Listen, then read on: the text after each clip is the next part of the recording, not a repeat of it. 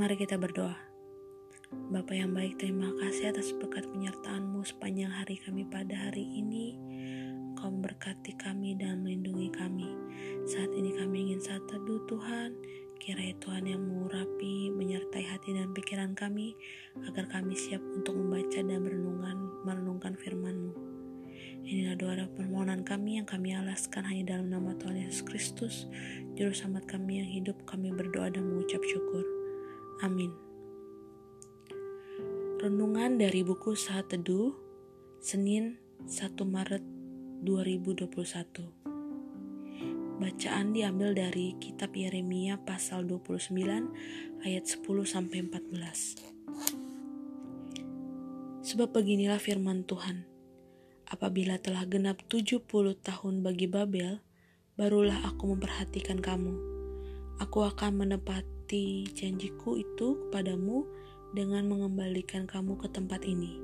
Sebab aku ini mengetahui rancangan-rancangan apa yang ada padaku mengenai kamu. Demikianlah firman Tuhan, yaitu rancangan damai sejahtera dan bukan rancangan kecelakaan, untuk memberikan kepadamu hari depan yang penuh harapan. Dan apabila kamu berseru dan datang untuk berdoa kepadaku, maka aku akan mendengarkan kamu Apabila kamu mencari aku, kamu akan menemukan aku. Apabila kamu menanyakan aku dengan segenap hati, aku akan memberi kamu memberi kamu menemukan aku. Demikianlah firman Tuhan.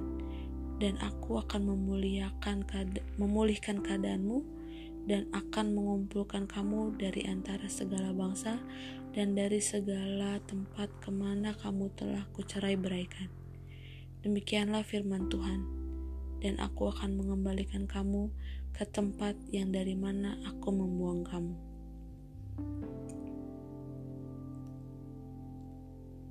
Ayat fokus kita diambil dari kitab Yohanes 1 ayat 9. Bukankah telah kuperintahkan kepadamu, kuatkan dan teguhkanlah hatimu?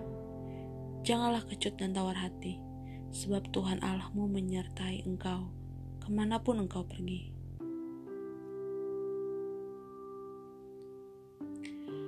Renungan dari Eleanor L. Colvin, Texas, Amerika Serikat. Iman bukan ketakutan. Membuat keputusan bisa menjadi hal yang sulit, khususnya keputusan yang mengubah kehidupan. Ketika melihat tempat kuliah, aku mengambil keputusan seaman mungkin.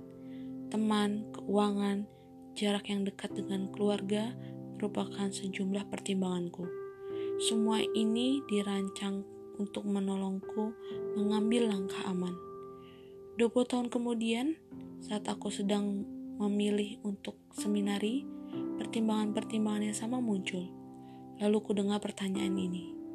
Keputusan apa yang memaksamu agar Allah lah yang paling kuandalkan? Berjalanlah dengan iman, dan bukan dengan apa yang dilihat tidaklah mudah dilalui. Rasa aman agaknya menjadi salah satu prioritas paling mendasar. Mestinya kita paham bahwa kita tidak pernah dapat menjamin kehidupan dan masa depan kita pada diri kita sendiri. Bayangkanlah apa yang akan terjadi bila percaya firman Allah dari Yeremia 29 ayat 11. Aku ini mengetahui rancangan-rancangan apa yang ada padaku untuk memberikan kepadamu hari depan yang penuh harapan. Kasih Allah kepada kita sungguh lebih besar daripada ketakutan dan rasa tidak aman yang kita rasakan. Tiap hari kita mendapatkan kesempatan baru untuk membuat keputusan, bukan berlandaskan pada ketakutan, melainkan pada kasih Allah. Mari kita berdoa. Ya Tuhan, Engkau tahu rancanganmu bagi kami kami mohon agar Engkau mengarahkan kami pada rencana-rencanamu dalam keyakinan yang penuh iman. Amin. Pokok doa syafaat, mari masing-masing teman mendoakan orang-orang yang mengambil keputusan yang berat.